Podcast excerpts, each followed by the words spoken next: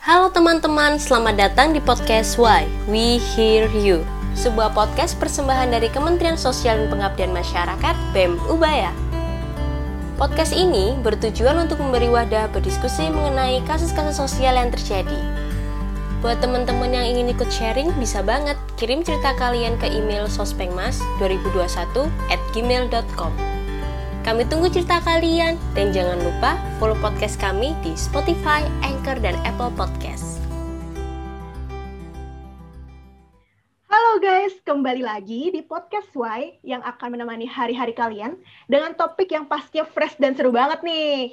Nah, sebelumnya aku mau memperkenalkan diri. Namaku Devina sebagai caster pada episode kali ini dan tentunya aku nggak sendirian guys karena aku ditemani oleh partnerku yaitu Yohanes. Halo Yohanes. Halo Kak Dev, halo semua pendengar setiap podcast Y. Nah ngomong-ngomong Iya. nih Kak Dev, eh, pada episode podcast kali ini nih, episodenya sangat spesial loh Kak Dev. Nah iya, karena kita masih kedatangan dari tetangga sebelah lagi, tapi berbeda dari episode sebelumnya. Tetangga kita yang kali ini memiliki jiwa nasionalisme yang tinggi loh, Nas. Wah, berarti ini bisa ditebak dong kalau eh, tangga kita kali ini dari Kementerian Nasionalisme kan Kak Dev. Iya, benar banget. Dari Kementerian Nasionalisme. Siapa Oh. ya? Langsung aja yuk kita panggil. Oke, daripada berlama-lama dan pendengar setiap podcast pada penasaran, kita langsung panggil aja yuk. Halo Kak Kris, halo Kak Diana. Halo, halo Ya, halo Kak Kris dan Kak Diana. Eh, mungkin nih pertama-tama Kak Kris dan Kak Diana bisa memperkenalkan diri dulu nih ke pendengar setiap podcast Y kan banyak yang nggak ngerti nih. Halo semua, kenalkan namaku Deana dari Fakultas Psikologi Angkatan 2018 dan aku di Kementerian Nasionalisme BEMUS menjabat sebagai staf. Salam kenal. Halo guys, eh, nama aku Chris. Aku dari Fakultas Psikologi Angkatan 2019. Eh, aku di BEM sebagai staf Kementerian Nasionalisme. Salam kenal. Oke, nah jadi guys, kedua bintang tamu kita pada hari ini itu ada Chris dan juga Diana. Nah, ngomong-ngomong nih Chris dan Diana, kan kita nih baru aja nih selesai menghadapi UTS nih yang cukup lama lah, sekitar dua minggu. Nah, kalau dari Chris dan Diana tuh kita gimana sih? Eh, kemarin UTS kalian lancar atau gimana mungkin? Ada kendala atau ada hambatan? Atau mungkin nilainya sudah keluar? Ya lancar-lancar aja sih kalau dari aku sendiri. Kalau untuk nilai gimana, Chris? Sudah ada yang keluar mungkin nilaimu atau masih belum? Eh, belum ada yang keluar sih kalau dari aku. Oke, belum ada yang keluar ya. Kalau dari Kak Diana gimana? Ya, puji Tuhan lancar walaupun stres. Tapi nilai juga belum ada yang keluar sih. Oh, berarti masih sama-sama belum keluar nih ya nilainya baik itu Kak Chris ataupun Kak Diana. Iya. Nah, selai, setelah menghadapi UTS nih, eh, kira-kira apa kesibukan dari Kak Chris dan Kak Diana saat ini yang sedang kalian jalani? Mungkin ada tugas kementerian atau ikut kepanitiaan apa yang sedang berjalan? Dari Kak Chris dulu mungkin. Eh, kalau dari aku ya mungkin masih kuliah sih sama eh, ada beberapa tugas kepanitiaan juga kayak misalkan acara national fest ataupun mungkin dari level up dan lain sebagainya sih masih lumayan sibuk. Oke, jadi tetap produktif nih ya kalau Kak Chris ini ya. Oke, kalau Kak Diana gimana Kak Diana? Apa kesibukannya setelah UTS ini? Setelah UTS tetap lanjut tugas dong. tetap banyak tugas. Jadi nugas tugas tugas sih paling sering. Terus ya paling ya tugas kementerian, kadang sama yang kepanitiaan sama kayak gitu. Oke. Wah, berarti Kak Kris sama Kak Diana selama UTS dan setelah UTS pun tetap produktif ya. Eh, akademis dan non-akademisnya tetap berjalan seimbang. Nah, semoga juga nilai UTS-nya hasilnya memuaskan ya Kak. Gak apa-apa belum keluar, tapi ditunggu aja. Pasti hasilnya nanti keluar pasti memuaskan. Gak pernah Iya. mengkhianati hasil. Banyak-banyak ber- banyak-banyak berdoa aja kan Kak Dev, bener Kak? Iya, bener banget. Oke nih guys, karena kita udah kumpul-kumpul cantik, pasti kita mau bahas sesuatu dong ya. Nah, kita kan sudah masuk bulan apa ya? Sekarang bulan apa ya, Yohanes? Wah, sekarang ini kita masuk di bulan April nih Kak Dev. Oh iya, bener. Sekarang kita masuk bulan April. Pasti para pendengar setiap podcast Y juga udah tahu bulan April tuh identik dengan hari apa sih? Nah, bulan April ini kita identik dengan yang namanya Hari Kartini. Nah, kalau ngomongin soal Hari Kartini, aku pengen tahu nih, menurut Kak Deana dan Kak Kris, apa sih makna dari Hari Kartini? Mungkin dari Kak Kris dulu boleh menjawab? Uh, makna dari Hari Kartini sendiri ya buatku, uh, terutama itu hal untuk menjadi emansipasi wanita ya di mana Kartini sendiri kan memperjuangkan hak-hak perempuan.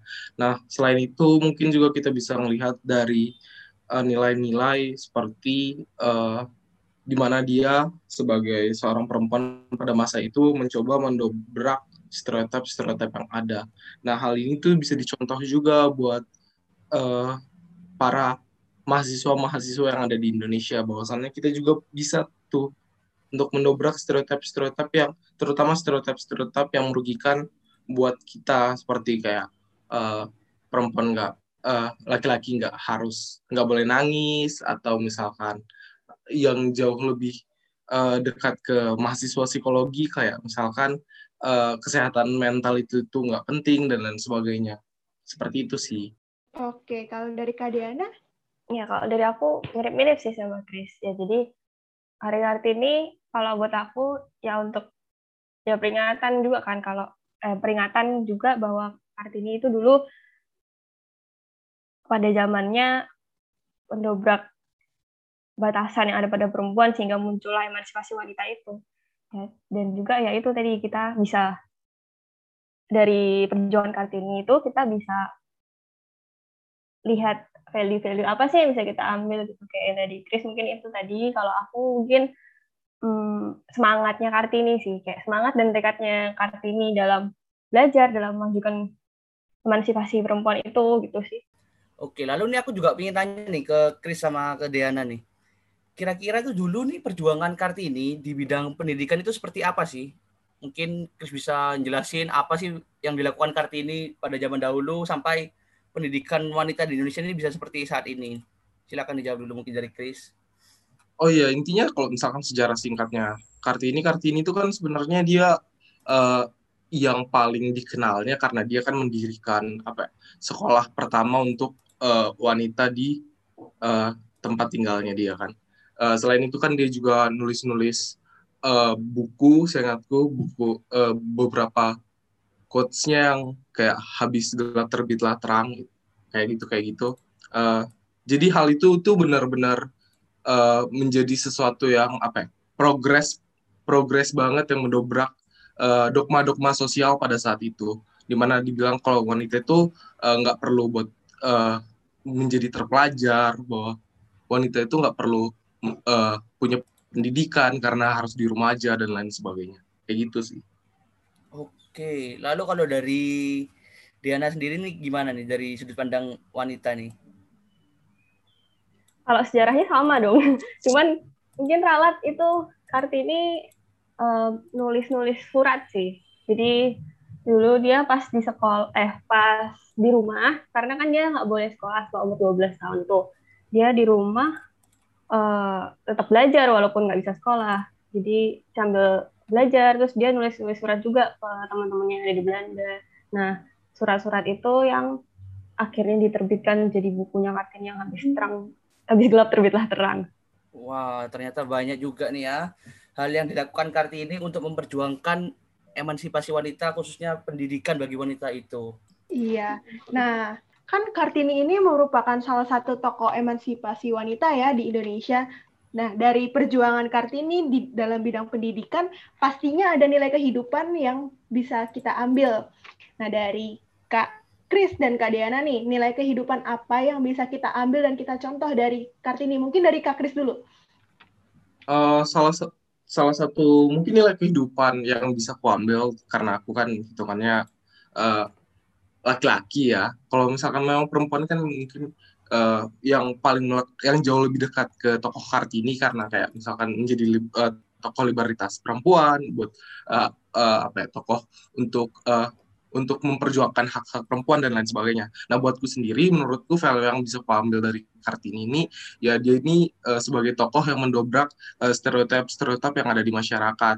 Kayak uh, misalkan dia itu sebagai tokoh yang uh, menyatakan melalui perjuangannya, kalau misalkan kita itu nggak harus mengikuti stereotip yang ada di masyarakat kayak misalkan uh, perempuan nggak harus uh, ngelakuin A atau misalkan laki-laki itu nggak harus jadi kayak gini misalkan laki-laki nggak harus nggak uh, boleh nangis dan lain sebagainya.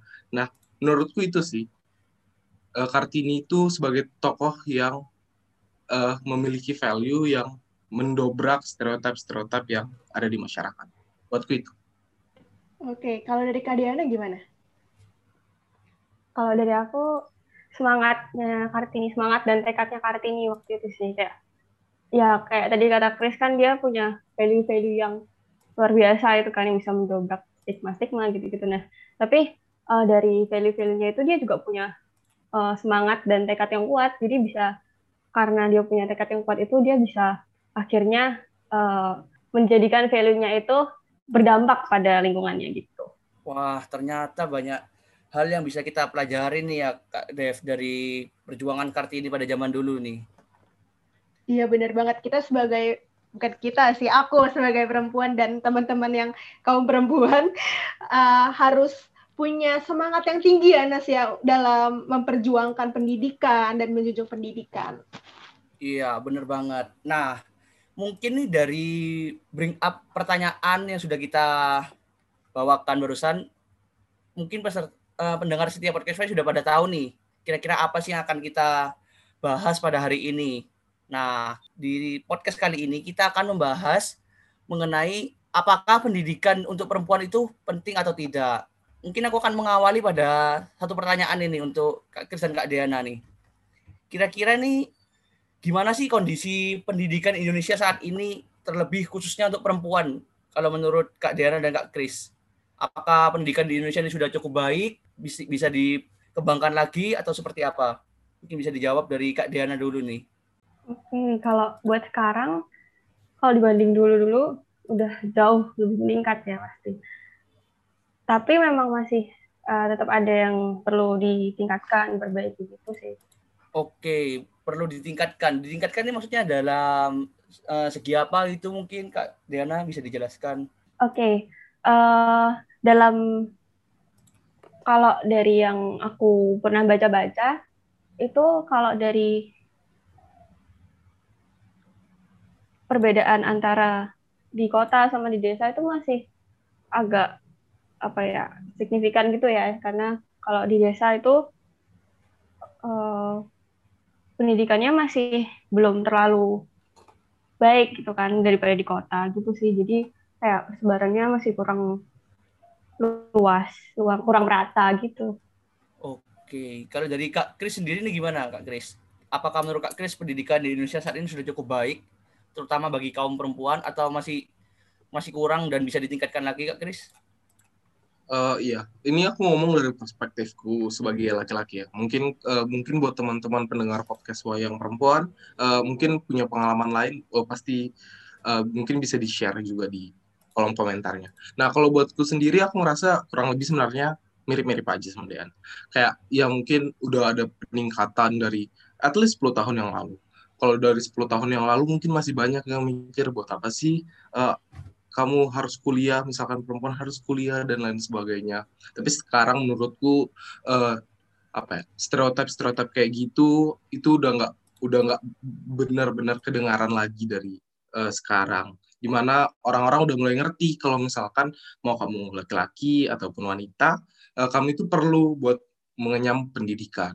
Nah, tapi mungkin masih butuh banyak juga yang perlu uh, ditingkatin terutama untuk masalah kesetaraan pendidikan buat perempuan karena masih banyak uh, penindasan-penindasan uh, ketika perempuan ingin mengenyam pendidikan kayak misalkan yang baru-baru ini nih yang kemarin kita punya kasus soal uh, ada beberapa sekolah yang mewajibkan untuk uh, perempuan baik muslim maupun non muslim untuk mengenakan hijab. Nah hal ini tuh walaupun sebenarnya ini tuh uh, secara besar melanggar kebebasan beragama, tapi lebih uh, dekatnya juga ini tuh mempengaruhi banget buat uh, perempuan-perempuan yang misalkan tidak ingin mengenakan uh, pakaian yang mereka uh, pakaian misalkan pakaian uh, berjilbab dan lain sebagainya.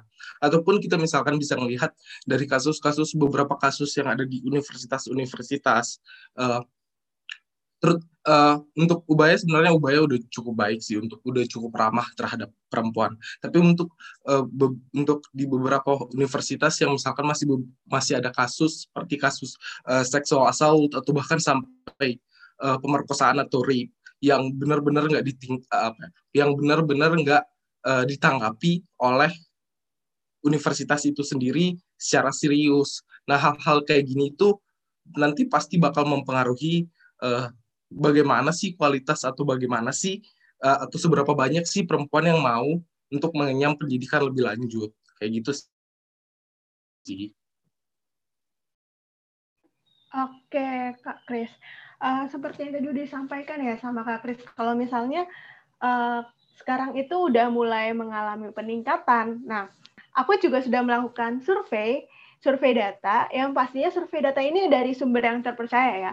Nah, Survei data ini berdasarkan Badan Pusat Statistik tahun 2019 yang menyatakan bahwa rata-rata lama sekolah perempuan di Indonesia sam hanya sampai kelas 2 SMP.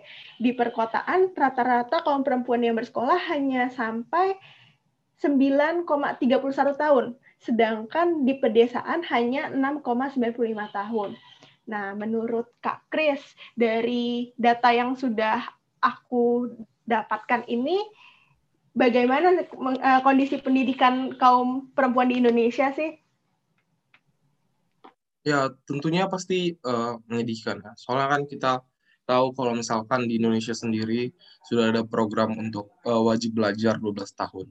Nah, tapi ternyata masih banyak banget perempuan-perempuan uh, yang enggak bahkan untuk mencapai strata minimal pendidikan aja uh, masih belum bisa karena banyak kendala. Kayak misalkan uh, kendala baik misalkan uh, dari ekonomi, gimana mereka nggak bisa mengenyam, uh, gimana mereka nggak bisa mengenyam pendidikan, ataupun tekanan-tekanan uh, sosial, kayak misalkan uh, di Indonesia sendiri, uh, ketika kamu misalkan sebagai perempuan dan kamu uh, misalkan uh, hamil gitu, uh, kamu sudah tidak boleh melanjutkan untuk uh, kembali bersekolah. Nah hal-hal kayak gini nih benar-benar menjadi apa ya halangan dan akhirnya menekan angka uh, misalkan angka melek huruf ke perempuan yang jauh lebih rendah atau angka pendidikan uh, pendidikan yang lebih rendah hal-hal seperti itu seperti baik masalah ekonomi maupun tekanan sosial menjadi uh, masalah untuk perempuan mengenyam pendidikan. Menurutku sih seperti itu. Ya kalau menurutku ya sedih juga sih. Karena ya kan itu dari kata Chris kayak sebenarnya pemerintah kan udah ada uh, program juga untuk tapi kenyataannya sebenarnya juga ternyata masih ada yang nggak bisa mengakses pendidikan itu gitu. Jadi ya sedih juga sih. Nah dari yang tadi sudah disampaikan Kak Diana sama Kak Kris pada masa sekarang ini nih kita juga tahu ya sudah banyak juga kaum perempuan yang memperjuangkan dan menjunjung tinggi pendidikan tapi kenapa ya masih banyak kaum perempuan yang menyampingkan pendidikan dan menganggap pendi kalau uh, pendidikan itu tidak penting dan kaum perempuan itu tidak perlu me, apa ya menjunjung pendidikan yang tinggi. Nah, dari menu, dari Kak Deana dan Kak Kris sendiri, mengapa permasalahan ini masih terjadi sampai masa sekarang? Ya, dari Kak Kris boleh duluan. Oke, okay, oke. Okay. Terima kasih, Ade. Uh, buatku, setauku, ya mungkin masalah yang paling banyak ya masalah uh, tekanan sosial yang karena uh, strata sosial kita kan uh, sistemnya terutama di Indonesia kan dibentuk masih patriarkis banget. Masih benar-benar uh, uh, benar-benar menindas perempuan banget. Nah akhirnya hal-hal tersebut itu tuh mempengaruhi bagaimana uh, pola pikir atau mindset dari masyarakat. Baik mungkin dari orang-orang uh, uh, dari kaum yang bukan perempuan atau kaum laki-laki, ataupun mungkin dari kaum perempuan sendiri yang akhirnya uh, menjadi submisif atau menjadi menerima aja dengan dogma-dogma kayak gitu. Akhirnya kan setelah uh, kan sistem dogma itu kayak ketika itu diulang-ulang nanti orang bakal mikir kalau itu hal tersebut menjadi benar. Nah akhirnya banyak perempuan yang udah mikirnya kayak ya udahlah buat apa sih kayak sekolah tinggi tinggi misalkan atau juga nanti bakal punya anak juga nanti bakal juga jadi ibu rumah tangga juga. Atau mungkin juga masih banyak uh, orang tua orang tua yang mikir kalau anaknya udah nggak perlu anak perempuannya nggak perlu terutama dikasih uh, pendidikan yang tinggi karena nanti hitungannya bakal buang-buang uang juga. Kalau misalkan nanti yang yang kerja cuman suaminya juga. Tapi pendidikan itu tuh nggak se sesimpel itu karena walaupun misalkan nanti ketika perempuan uh, misalkan pengen jadi ibu rumah tangga aja, pendidikan itu tetap menjadi sesuatu yang penting supaya mereka bisa mengerti kayak misalkan uh, hak-haknya mereka buat apa, hak-haknya mereka itu apa sih? Uh, kayak gimana sih ketika misalkan mereka uh, mempunyai anak, kayak, gimana sih cara gaya pendidikan yang perlu dikasih ke anaknya dan lain sebagainya. Menurutku pendidikan itu jauh uh, jauh punya dampak positif yang jauh lebih besar daripada sekedar uh, kayak untuk cari kerja doang, misalkan untuk uh, atau enggak atau bahkan mungkin dianggap sia-sia gara-gara nanti ketika kamu mengenyam pendidikan, kamu bakal jadi ibu rumah tangga doang dan lain sebagainya. Menurutku sih kayak gitu. Iya bener-bener, aku setuju banget sama Chris sih. Jadi menurut Chris kan kayak uh, berarti pandangannya budayanya, budaya Indonesia masih matriarki banget ya Chris ya? Ya akhirnya itu kata Chris tadi mendarah daging. Tapi mungkin juga masih ada yang uh, karena dari orang tuanya segala kayak tadi yang bilang Chris juga. Terus mungkin juga karena faktor ekonomi tadi sempat disinggung juga sama Chris karena misal dari satu keluarga ada satu anak perempuan ada satu anak laki-laki nah terus mungkin mereka uh, hanya bisa menyekolahkan salah satu aja kan terus akhirnya yang disekolahkan yang laki-laki karena mungkin ya pandangannya karena laki-laki kan harus bekerja untuk mencari nafkah sedangkan perempuan ya nanti bisalah uh, apa ikut suaminya gitu kan jadi makanya akhirnya yang didahulukan ya yang laki-laki gitu jadi balik lagi ke budayanya itu sih stigmanya itu. Oke, wah banyak banget ya Kak Yohanes juga nih eh, faktor-faktor yang uh, membuat permasalahan ini terjadi ya. Iya bener banget nih Kak Dev. Padahal kan sebenarnya pendidikan itu penting tuh, Kak. Bukan hanya bagi laki-laki saja, tapi juga bagi perempuan. Mm. Karena sudut pandang uh, perempuan yang masih salah nih seharusnya pemerintah harus segera memperbaiki pendidikan di Indonesia nih. Uh, lalu ini aku ingin nanya, kira-kira dampak apa sih yang dapat terjadi atau dapat ditimbulkan jika pendidikan pendidikan yang ada di Indonesia khususnya bagi perempuan nggak segera diperbaiki atau disetarakan? Jadi kalau misalkan menurutku dampak-dampak yang mungkin terjadi uh, kalau misalkan uh, hal ini ter, kalau misalkan masalah kayak uh, pendidikan yang masih rendah buat perempuan itu banyak sih. Mungkin mulai dari hal-hal yang simpel dulu. Kayak akhirnya opsi buat perempuan untuk mengenyam uh, untuk mendapatkan pekerjaan menjadi lebih sedikit. Kayak misalkan ketika mereka memiliki pendidikan yang misalkan sampai SMP doang, akhirnya mereka nggak bisa mendapatkan uh, mendapatkan pekerjaan dan akhirnya bergantung cuman uh, sama suaminya doang. Nah, akhirnya opsi-opsi kayak gini itu bisa mengakar ke masalah-masalah lainnya. Ketika misalkan perempuan nggak mempunyai opsi kayak gini, akhirnya misalkan mereka nggak bisa ngapa-ngapain ketika misalkan ada ter terjadi misalkan kekerasan yang terjadi ke atau kekerasan dalam rumah tangga misalkan. Kenapa? Akhirnya mereka cuma mikir kalau misalkan mereka cuma bisa bergantung sama suaminya, kalau misalkan mereka uh, cerai dan lain sebagainya, akhirnya mereka nggak bisa punya opsi ke mana-mana lagi. Nah, uh, hal ini tuh bisa mengakar ke uh, menjadi mengakar ke segala hal sih kayak misalkan ketidaksetaraan uh, antara laki-laki dan perempuan bakal meningkat dalam bidang mana pun baik dalam bidang pekerjaan di mana perempuan cuma bisa bekerja uh, dengan pekerjaan yang uh, tidak membutuhkan apa ya tidak membutuhkan tenaga ahli karena mereka nggak mendapat pendidikan yang tinggi.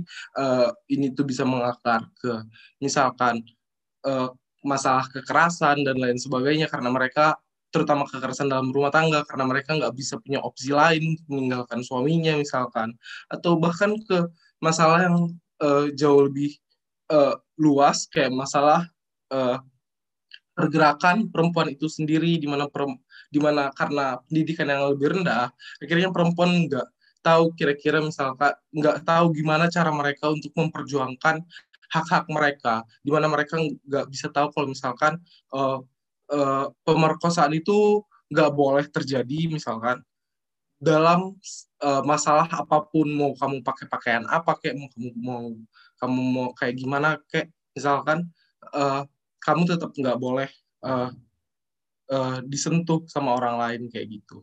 Menurutku banyak sih dampak-dampak yang terjadi ketika uh, masalah pendidikan perempuan belum diselesaikan. Menurutku seperti itu. Kalau dari Kak Diana sendiri gimana? Aku setuju banget sama Chris. Jadi ya itu kayak yang tadi udah diomongin Chris kan. Kayak kalau misalkan uh, pendidikan perempuan itu nggak diperbaiki, ya nanti akan berdampak ke individunya sendiri juga kan kayak ya jadi nggak bisa mandiri, jadi bergantung terus sama orang lain, jadi harus bergantung sama pasangannya gitu. Padahal kan ya memang kita nggak ada yang tahu kan apa yang akan terjadi nantinya gitu kan, akan terjadi di masa depan. Jadi kayak ya seharusnya kita bisa mengandalkan diri kita sendiri gitu, jadi perempuan yang mandiri. Dan ya tadi juga sempat disinggung Chris sebelum-sebelumnya kayak uh, perempuan itu kan walaupun akhirnya pada akhirnya nanti jadi ibu rumah tangga tapi tetap aja uh, perlu untuk mengenyam pendidikan gitu. Karena nanti toh mereka juga punya anak. Jadi mereka kan juga harus uh, membantu anak-anaknya dalam belajar gitu kan. Jadi ya sangat penting sih menurutku juga ya jadi kalau nggak disetarain ya akhirnya dampaknya ya ngulang-ngulang lagi, berulang lagi ke individunya dan ke derajat apa ya bukan derajat uh, kesetaraan perempuannya itu sendiri gitu. Wah, seperti yang tadi disampaikan nih sama Kak Kris dan Kak Diana, kalau pendidikan Indonesia tidak segera diperbaiki akan memberikan efek yang panjang dan juga menimbulkan permasalahan baru ya.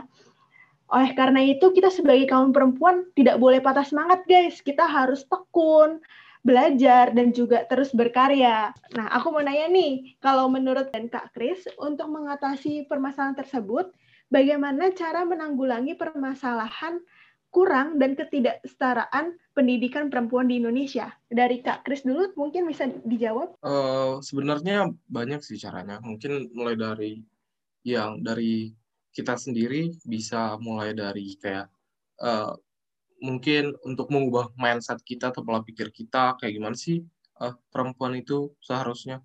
Atau kayak gimana sih? Atau apakah perempuan hak uh, apakah perempuan cuma boleh di rumah aja misalkan? Atau perempuan nggak boleh mengenyam pendidikan dan lain sebagainya. Nah untuk masalah yang jauh lebih luas misalkan ketika kita bicara soal government policy atau misalkan peraturan pemerintah, kayak gimana sih peraturan pemerintah buat uh, apa ya membantu uh, perempuan terutama dalam masalah pendidikan. Mungkin banyak sih. Mungkin mulai dari affirmative action atau kayak uh, kuota di mana perempuan harus uh, setidaknya 40% misalkan uh, berada di dalam suatu universitas atau dalam suatu sekolah. Uh, mungkin juga untuk menanggulangi uh, dan menanggulangi masalah-masalah yang terjadi di internal sekolah dan pendidikan baik sekolah maupun universitas mungkin seperti masalah uh, apa ya diskriminasi mengenai pakaian kayak yang masalah kemarin yang masalah tadi di sekolah ataupun masalah-masalah untuk menanggulangi seperti masalah uh, seksual assault atau pemerkosaan yang terjadi di beberapa universitas untuk uh, mungkin segera merilis atau merealisasikan seperti UU kekerasan uh, UU PKS, UU uh, PKS kayak gitu dan lain sebagainya. Wah, ternyata banyak hal yang bisa kita lakukan untuk menanggulangan menanggulangani atau mengurangi terjadinya permasalahan kurang atau ketidaksetaraan pendidikan yang perempuan yang ada di Indonesia. Nah, kalau tadi itu kan eh, sebagian besar hal yang disebutkan oleh Kak Kris dan Kak Diana itu kan cara yang bisa dilakukan oleh pemerintah ya. Kalau dari kita sendiri nih, mahasiswa, apa sih yang dapat kita lakukan untuk dapat membantu mengatasi permasalahan ketidaksetaraan pendidikan yang ada di Indonesia ini? Mungkin bisa dijawab dulu dari Kak Deana, bisa memberikan pendapatnya seperti apa? Iya, uh, yang pasti itu tadi pertama sebenarnya kalau dari kita sendiri yang pertama stigmanya tadi itu apa pandangannya kita mindsetnya kita. Kayak kita sendiri juga harus mengubah mindset kita akan itu karena kalau kita sendiri nggak belum berubah mindsetnya kan gimana kita mau membantu gitu loh ya kan. Nah terus yang kedua mungkin juga bisa dengan nah setelah mindset itu setelah kita berubah mindset kita juga bisa jadi jadi contoh lah jadi contoh kalau uh, sebenarnya misalnya nih mungkin ada orang tua yang masih takut untuk nyekolahin anaknya jauh-jauh gitu kan. Misal atau di universitas universitas kan uh, lingkupnya lebih luas gitu kan. Nah terus mungkin orang tua takut kalau di sana nggak mendukung untuk perempuan gitu kayak yang tadi Chris uh, sempat sebut sebutin. Nah kita sebagai mahasiswa ya kita menunjukkan bahwa sebenarnya universitas tuh banyak kok kegiatan positifnya gitu. Jadi kita nunjukin bahwa uh, universitas tuh sebenarnya juga nggak seseram itu gitu kita juga bisa melakukan banyak kegiatan positif di sini gitu Wah, oke. Okay. Semoga dari saran-saran yang sudah diberikan oleh Kak Kris dan Kak Diana dapat mengatasi permasalahan ini ya, guys. Nah, oke, okay, kesimpulan podcast hari ini, kita sebagai perempuan bukan berarti tidak boleh mempunyai mimpi, guys. Dan bukan berarti kita tidak boleh menjunjung pendidikan tinggi. Tapi kita sebagai perempuan tidak boleh takut untuk melakukan hal yang kita suka, kita inginkan, dan kita impikan. Selama itu berdampak positif loh guys. Nah, sebagai Kartini masa kini, kita harus berani menjunjung tinggi pendidikan, terus belajar, berkarya, dan juga berbagi untuk kemajuan bangsa kita guys. Iya, bener banget nih yang dikatakan oleh Kak Dev barusan. Dan aku mau nambahin sedikit nih. Bagi kita yang sudah memiliki atau bisa merasakan pendidikan yang setara itu kita harusnya kita harus memanfaatkan kesempatan itu sebaik mungkin karena nggak se, nggak semua orang bisa mendapatkan kesempatan seperti kita memperoleh pendidikan yang layak dan setara. Oke, nah Kak Yohanes, nggak kerasa ya kita udah berada di penghujung podcast hari ini.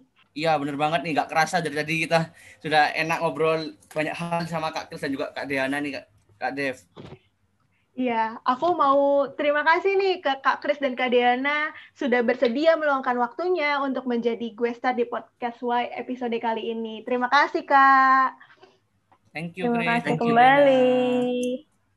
Ya, nah buat teman-teman yang ingin kepoin kontennya nasionalisme, bisa aja langsung cek ke IG-nya apa nih? Uh, at nasionalisme Bemus ya. Sama jangan lupa juga ada IG uh, eh, acara nasionalisme uh, Nation Fest yang bakal diadain Mei. Mungkin bisa di-add juga at Nation Fest 2021. Nah, teman-teman bisa ya langsung aja di-follow, dikepoin kontennya di kedua Instagramnya Nasionalisme ya. Nah, terima kasih juga untuk para pendengar setia Podcast Y yang sudah setia mendengarkan. Dan jangan lupa Selalu dengarkan podcast Wise setiap hari Jumat jam 7 malam serta follow dan share kami di Spotify, Anchor, Apple Podcast, dan juga IGTV at BEM underscore Ubaya. Dan buat teman-teman nih yang ingin ceritanya disampaikan, boleh banget langsung aja kirim ke email suspengmas2021 at gmail.com. See you guys, bye-bye!